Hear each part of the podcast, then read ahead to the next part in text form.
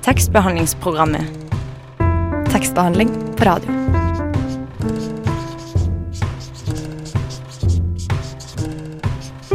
Tekstbehandlingsprogrammet.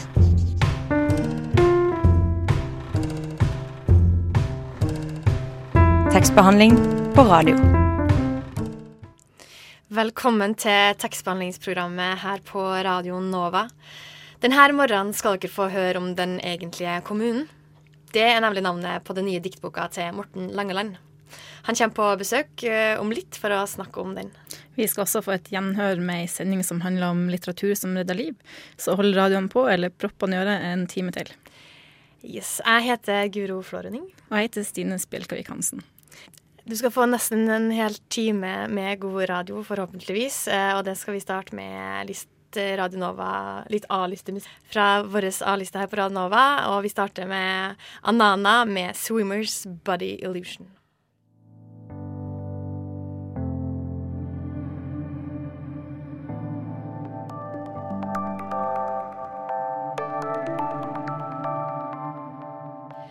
Da har vi fått eh, Morten Langeland her i studio på eh, tekstbehandlingsprogrammet. Velkommen. Takk, takk. Du har jo i høst gitt ut eh, diktboka 'Den egentlige kommunen'. Eh, og først og fremst så Når jeg leser boka, så føles den veldig lite grå og byråkratisk. Så hva betyr egentlig den, egen, den egentlige kommunen her? Uh, ja, det vet jeg ikke helt selv, men jeg tror kanskje at den egentlige kommunen uh, handler om et fellesskap som er det man håper på og ønsker seg og streber etter hvert lille minutt, og ikke det byråkratiske som vi vanligvis tenker på med kommunen. Så du tenker at kommune er eh, Jeg tenker at kommune er fellesskap, ja. Ja. Eh, I flere ulike former i boka mi. Eh, det er ikke sånn at jeg har noen tanke om at kommunen som vi kjenner den, eh, egentlig burde være noe annet. Det har jeg jo for så vidt, men det er ikke det boka handler om. Boka handler om det som gjør at vi føler oss nære andre, og det vi ønsker å oppnå med å være nær andre. I kjærlighet og vennskap, og i storsamfunnet, og til og med mindre grupper. Til de fleste tider. Og den veksler mellom å ytre et håp om dette og en glede ved å nå det for en stakket stund før det passerer som alle andre ting. Så hvordan eh, kommer dette uttrykk i, i boka? Kommunen Ja. Eller det Eh. du beskriver nå. Det, det Det kommer til uttrykk i boka med At den eh, søker og leter etter fellesskap, og den finner det både i Den finner og finner, den finner det kanskje aldri. Men den leter i naturen, den leter i kjærlighetsforhold, den leter i institusjonene og byggene vi er omgitt av, og den leter til og med i det lyriske jeget selv. Altså i hvordan man er som menneske.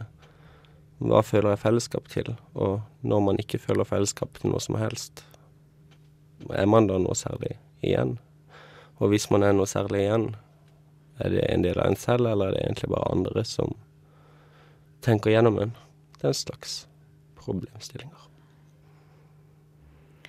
Men hva er det som er Hvorfor er det viktig for deg å skrive Eller ja, hvorfor er det viktig for deg å skrive om det her? Ja, det er viktig og viktig, det er noe jeg bare gjorde, men um... Det var helt tilfeldig. Nei, men altså Når man går over, nedover gata og lurer på hva man holder på med, så hender det at man stiller seg noen spørsmål. Hva holder jeg egentlig på med, spør man Morten. Og så sier man Nei, jeg vet ikke. Og så setter man seg ned og skriver, og så prøver man å finne ut hvilke sammenhenger står man i. Og i våre dager, for eksempel, så kan det være lett å føle identifikasjon med så mye. Og så kan man gå hjem og legge seg og tenke Men kjenner de egentlig meg? Hva er egentlig jeg? Er det noen som bryr seg? Hva er det å bry seg om? Ja, ikke minst, hva det å bry seg om? Alle disse tingene man sier, alle de tingene man gjør. Det som er forbi Hva er det å bry seg om, da? Nei, det vet jo ikke jeg. Det står vel i boka. um, men boka er delt inn i flere deler osv. som behandler Fire deler eh, som behandler forskjellige problemstillinger innenfor disse spørsmålene. Det er ikke det sånn at denne boka er bygd ut fra en stor tanke om å prøve å forklare hva som er det fellesskapet vi ikke har, eller eventuelt har, men den søker. Det er mer grunnfølelsen av å leite etter den egentlige kommunen enn svaret på hva den egentlige kommunen er, som bærer boka, eh, i mine øyne. Så er jo den egentlige kommunen bare en tittel. Men ble du noe klokere i, mens du leter, eller? Eh, Det skulle jeg ønske. Egentlig føler jeg bare blir dummere og dummere, og det er et vanskelig sted å være. Fordi da stiller man klokere og klokere spørsmål og blir dummere og dummere når man skal svare på det. Da skal vi høre litt musikk eh, atter en gang fra Radionova sin A-liste. Ikke annet enn eh, Jungle Pussy med Pop for you.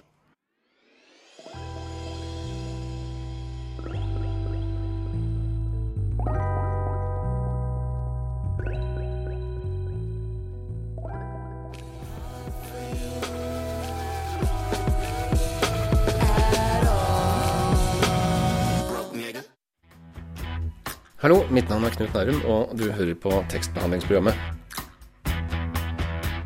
Jeg går i hvert fall ut fra at du gjør det. Det var Knut Nærhum, eh, og før det Jungle Pussy med Pop for you. Fra plata 'Pregnant with Success', som visstnok er en hyllest til alle mødre og alle som har skapt noe og planta et frø. You go, girls. Yes. det var da altså Morten Langeland som vi har på besøk her i studio, forfatter. Ehm, boka di er delt inn i eh, fire ulike deler. Fire, ja.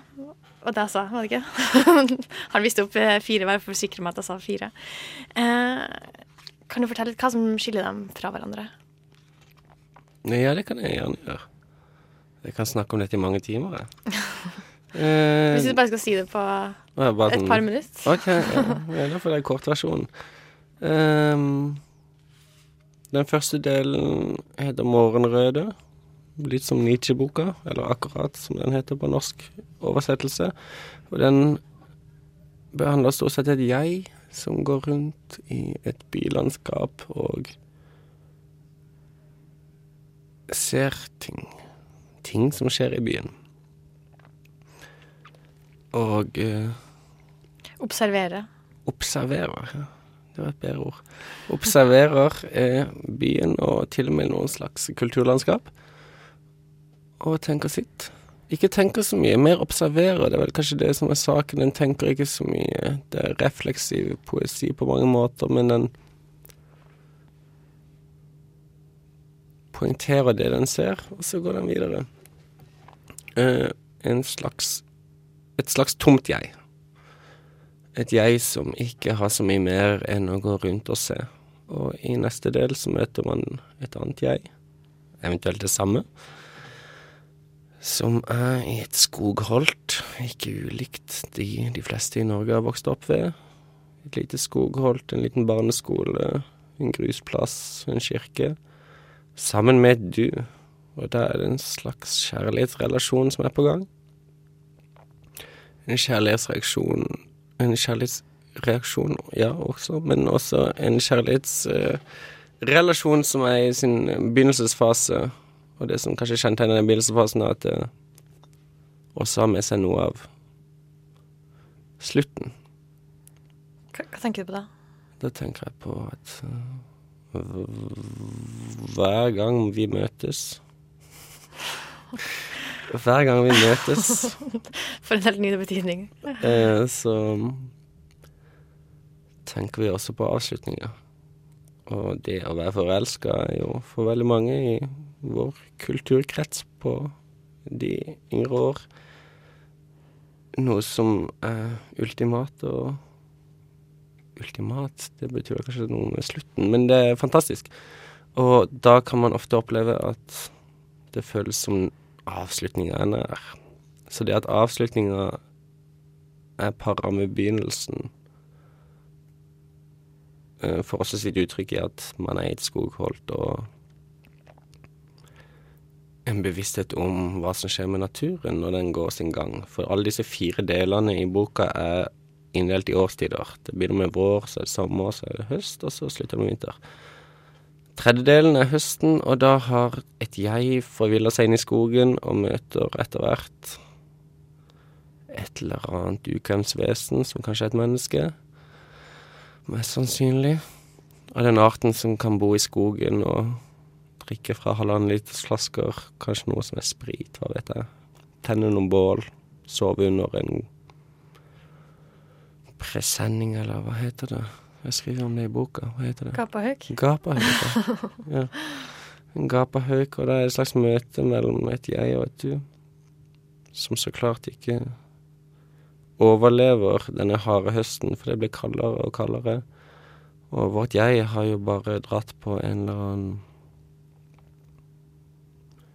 forvillelsespost et eller annet sted hvor man prøver å svinne i vår tid. Back to nature, eller whatever. Del fire. Eh, situert på lesesalen. For min del så blir det lesesalen på SV på Blindern, men det kan være en hvilken som helst lesesal, og da sitter et jeg og ser ut av vinduet og ser på vinteren og skjærene i treet og leser litt tykkedid og litt Zapfe og blar litt i bøkene og ser at de andre ser på internett. Ser litt på internett selv, vil jeg tro, og ser Femmila og Hva sa du skjer? Femmila? Ja, femmila. da trodde du sa Ja, over lysskjermene som er laptopene, mest sannsynlig Mac hvis vi er på SV. Um, det er det prosaiske og det høye som man ofte kan oppleve i et slags samkvem på lesesalen. Man ser opp og forventer å møte et blikk, eller ser man en søt jente eller en gutt, eller gå og ta en kaffe, og så plutselig være i åndshistorien. Hva, hva, hva mener du med det? At man står midt mellom det høye og det kroppslige, og et eller annet sted i livet hvor det knyttes forventning til, og det er en del fire heter forventning. Studietida, for eksempel, siden vi er på studentkanalen. Mm. Forventning til at noe skal skje, som de sier, poetene. Og det er jo ikke alltid noe skjer, men den har også avslutning av boka hvor den egentlige kommunen er nevnt. Og den egentlige kommunen da er nevnt som en visshet. En visshet om alt som ikke finnes, og alt som drar forbi, og et håp om at et, Ikke et håp, et ønske om at det skal bety noe for andre generasjoner, osv. Det er en ganske mollstemt bok i mitt øye, selv om jeg syns det er veldig mye moro rent sånn på stilistisk-nivå, så syns jeg den er målstemt. Kan du lese litt for oss? Jeg kan lese hele dagen. Hva vil du at jeg skal lese? Det jeg vil? Mm. Da vil jeg lese de tre siste diktene i avdeling to. Som var det første jeg skrev. Avdeling to, altså. Som var eh, Som heter Svermer. Men Hvilken årstid var det? Dette blir eh, eh, sommeren oppimot eh, høysommeren, vil jeg si. Med en slags hale inn i høsten. Ja.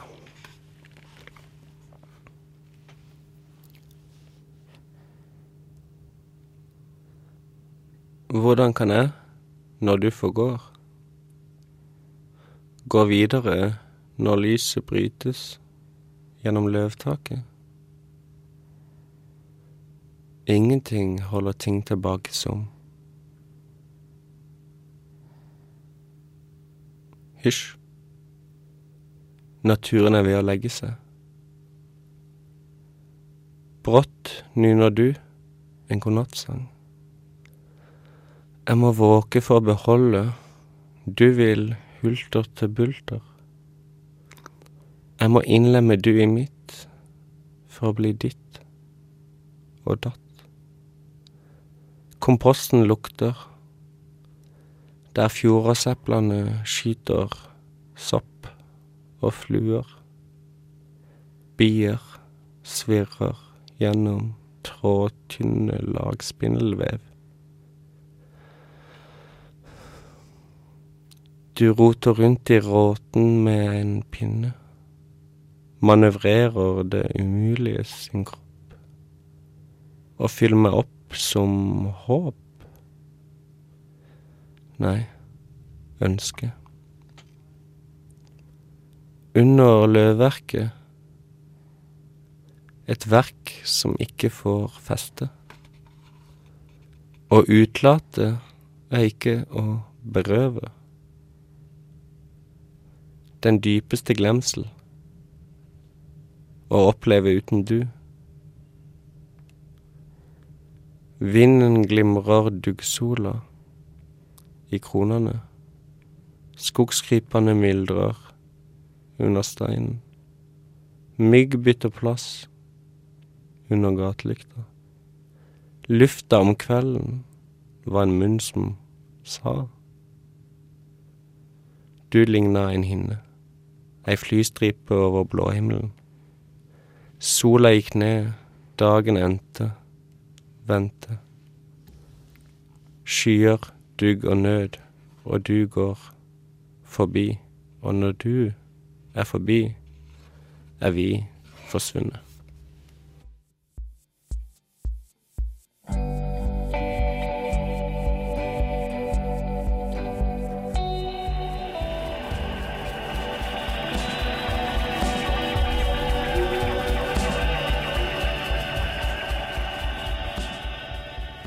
Your Friend med Heathering. Du hører fortsatt på tekstbehandlingsprogrammet.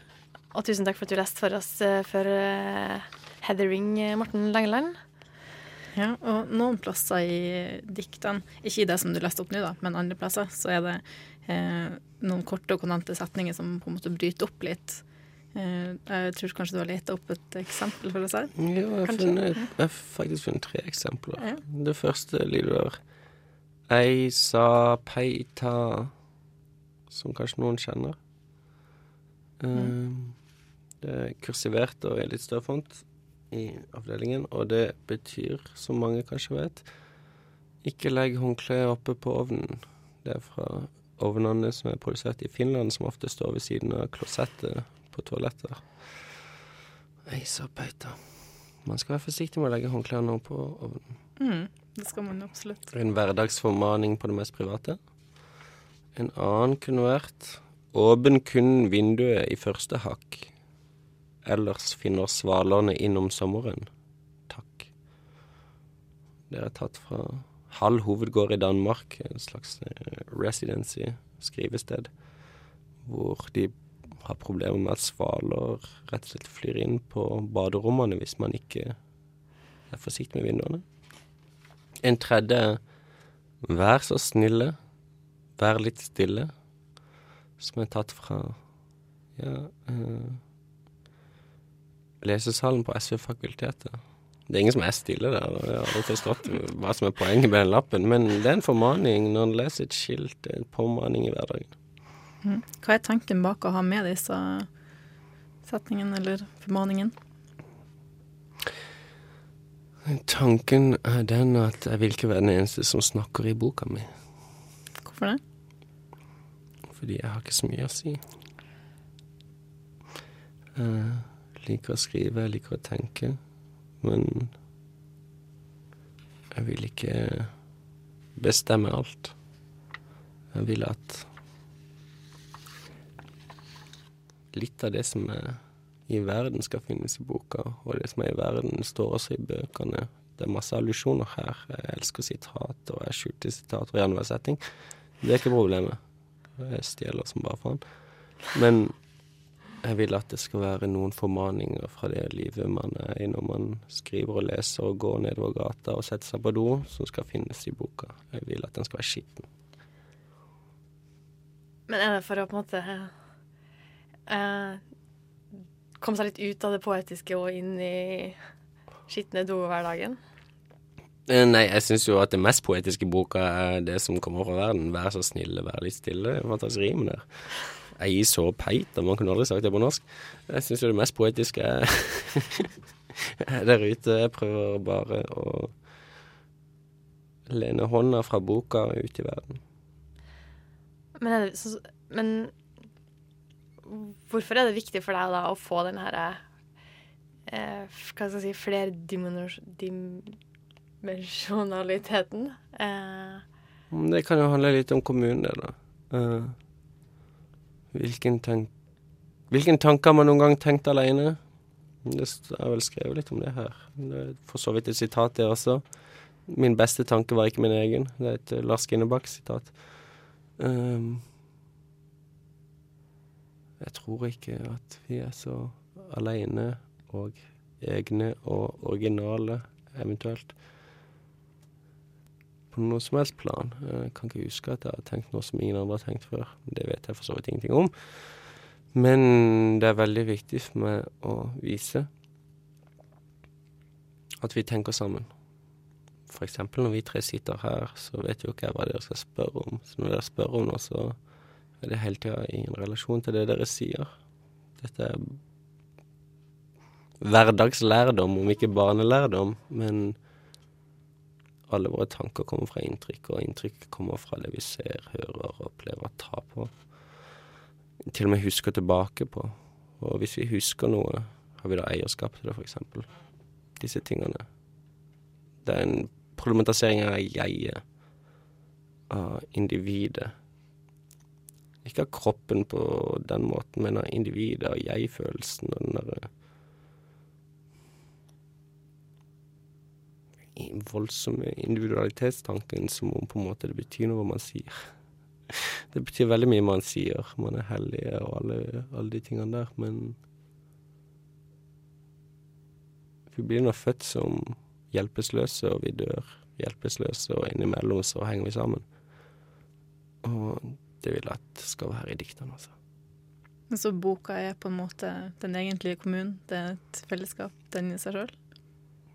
Et håp, og umulig håp som sådan, og et ønske, og en fungerende entitet. Vi lever nå, fortsatt. Men har du et ønske om at når man sitter og leser det, eh, og da det kommer inn den herre eksempel en som eh, jeg har kjent meg litt igjen i, er etter et av de diktene, så, står, så kommer det inn i sånn kursiv. Eh, kjøp med chips og cola. Zero. Er det på en måte meninga at når du, skal at du sitter og leser, at du skal liksom bli, at du skal bli dratt litt ut? og At du Meningen er at man skal le godt og tenke 'jøss, der har jeg vært'. Jeg kjenner ingen som drikker Cola Zero, så det vil jeg egentlig ikke blande meg i. Akkurat det der er fiksjon. Men ehm, Ja. Det er en måte å vise Ikke dratt ut. eh, Dratt inn, vil jeg si. Det står jo i boka. Dratt inn. Disse tingene samtidig. Altså, det Når man skriver poesi, så jobber man med alle tings samtidighet. Man jobber med alt man vet, alt man kan, men man jobber også med det man ikke kan. Og jeg vil ha en åpenhet i min skrift om det jeg ikke vet. Og også med de som roper. For eksempel, nå satt vi her, og så var det så jævla høy musikk fra et annet lokale. Det påvirker hvordan vi sitter her, da. sitter med litt sånn angst for at det skal komme på igjen. Høye skuldre og God stemning fortsatt. Tusen takk for at du kom eh, til oss i tekstbehandlingsprogrammet. Um, vi, skal, vi skal videre med litt musikk, og vi skal høre om eh, litteratur som redder liv, tenker seg Thea. Men først eh, Nilas med 'Memorades'.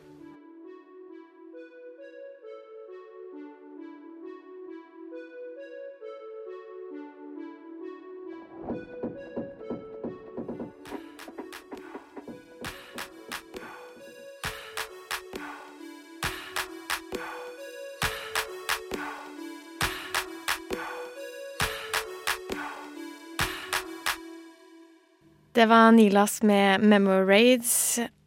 Vi skal innom litteratur som redder liv.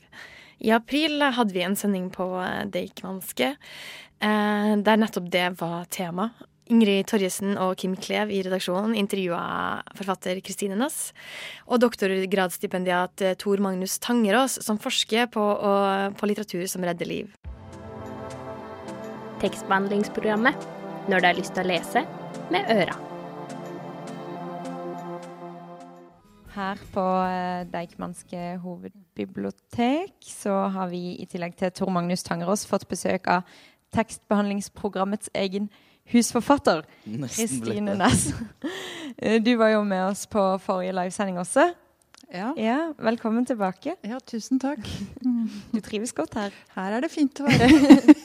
Sitter godt og spennende ja. samtaler og ja. ja. Mm. Det var fint at du kunne være med på den også. Eh, vi har jo snakka eh, Som vi har snakka om tidligere i sendinga, så eh, kan hvilken som helst litteratur redde liv i ganske konkret forstand. Um, har du tenkt på at dine bøker kan ha redda noen, noens liv?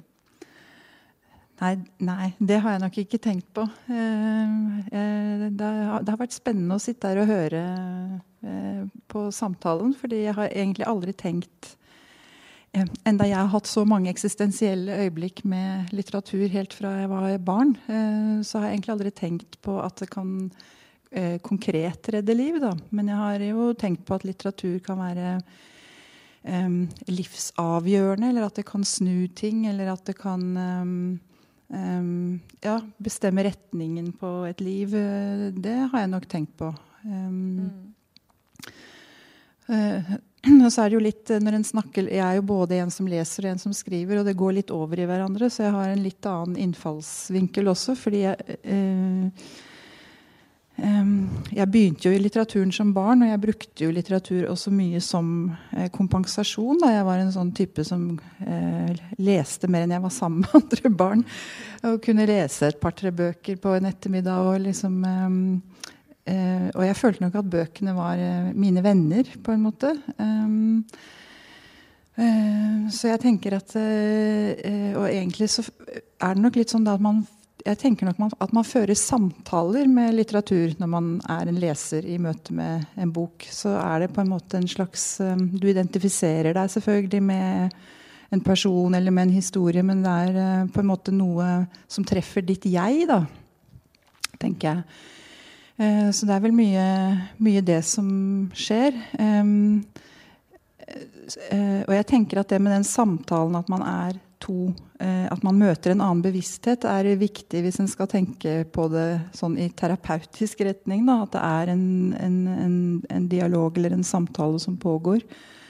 Og sånn For min egen del så var det sånn at jeg, jeg skrev jo rundt omkring til forfattere. Da, for jeg hadde jo da trang til å utvide denne verdenen av um, uh, ja, altså at den som skrev, også var uh, en faktisk venn. Så jeg tenker at det er også viktig da, at en tenker at litteraturen er jo et fiktivt sted, men det gjør noe med dine faktiske handlinger ut i verden.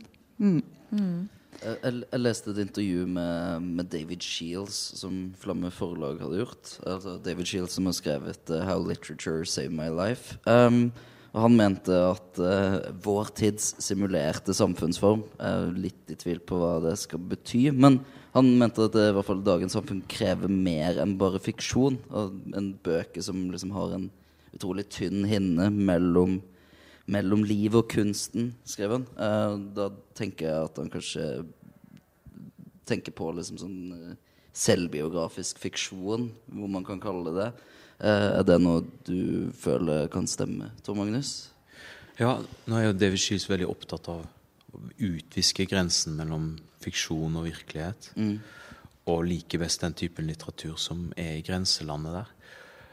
Men så vidt jeg forstår han der òg, så handler det jo om at om det er fiksjon eller objektivt sant, er jo ikke så viktig for den litterære opplevelsen. Mm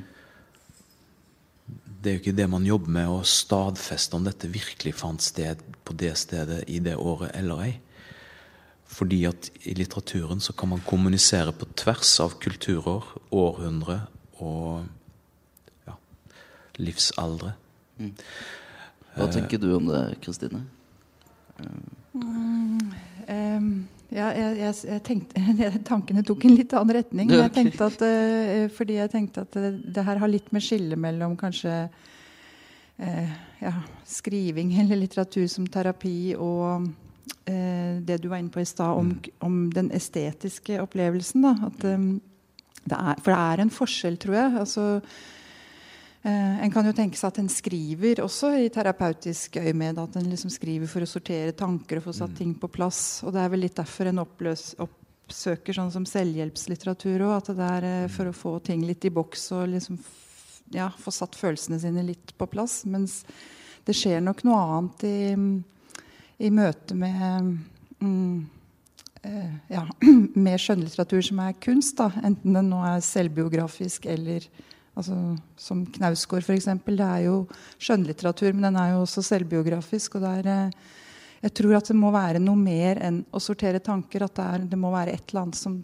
treffer um, treffer deg, sånn at du blir løftet litt ut av kanskje din egen tenkning. da. At det er, eh, og Nå er det jo veldig vanskelig å beskrive et, en estetisk opplevelse, fordi den jo er så indre og subjektiv. Men, eh, men det er jo kanskje det, kanskje det er akkurat det punktet hvor du egentlig ikke tenker lenger, men eh, rommer noe større. Um, så derfor så Jeg vet ikke om det var et svar engang. det var mer en tankerekke. Ja. Um, men en, en ting jeg lurer litt på, er om, om film er i stand til å ha den samme effekten på oss. Fordi det er jo en sånn Mm. Kanskje i større grad en sånn distanse til eh, hovedkarakterene i filmen. det er liksom i en roman. Um, hva tenker du om det, Magnus? Jo, absolutt. For jeg har snakka med folk som har opplevd at en film har forandra livet deres. Jeg har snakka med folk som har opplevd at dataspill har gjort det. Og musikk av The Smiths, blant annet. Så det, det, det, det kan nok generaliseres til hele kunstfeltet. Men Hva skulle man kalt det da, istedenfor biblioterapi? Hva- Kunstterapi, kanskje. det er noe som heter det, altså. Ok, ja, greit. Det er ikke sikkert man skal kalle det noe heller. Ja. fordi det er jo litt av det Linda var inne på, at bruker du ordet biblioterapi eller noe som har med terapi å gjøre, så må du på en måte gå i motvind. For det er såpass lada og har såpass mange negative konnotasjoner i dag til sykdom eller til medisin eller til, og til selvopptatthet, som gjør at det, det kanskje ikke er så lurt å operere med sånne begreper. Jeg vet ikke. Nei. Men i hvert fall, alle typer kunst altså det, det handler vel om at den estetiske erfaringen virker dypere og mer gjennomgripende enn um, visse deler av samfunnet gjerne vil erkjenne. Mm. For det er bare så vanskelig å sette fingeren på det, eller måle det, eller gjøre det om til kroner og øre. Mm. Det er superinteressant. Men eh, vi må høre litt musikk også. Eh, vi skal få høre OK Kaya med Damn Gravity. Oh, gravity. Damn gravity.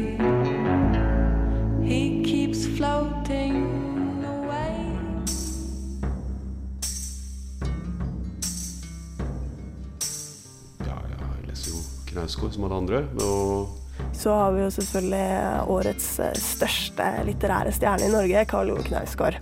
Hva synes du om eh, Karl Ove Knausgård? Synes det er et flott prosjekt. Jeg hadde tenkt til å love at vi ikke skulle nevne Karl Ove Knausgård. ja, jeg leser jo Knausgård som alle andre. Karl Ove Knausgård. Tekstbehandlingsprogrammet prater om noe helt annet.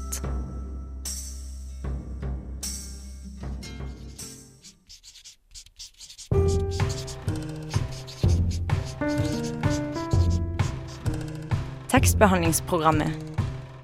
Tekstbehandling på radio.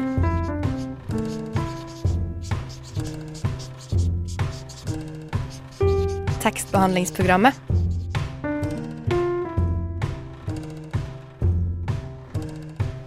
Tekstbehandling på radio. Det var tekstbehandlingsprogrammet for denne gangen. Sjekk oss ut på Facebook, Soundcloud og iTunes. Hvis du har lyst til å høre på gamle sendinger, eller høre på en gang til, og gjerne spre det videre. Vi er tilbake om en uke. Tekniker i dag har vært eh, Oda Archer. Ved min side har hatt Stine Spelkavik Hansen. Jeg heter Guro Florening, og du hører fortsatt på Radio Nova. Til slutt skal du få høre australske Mathas med N for Less. Vi høres.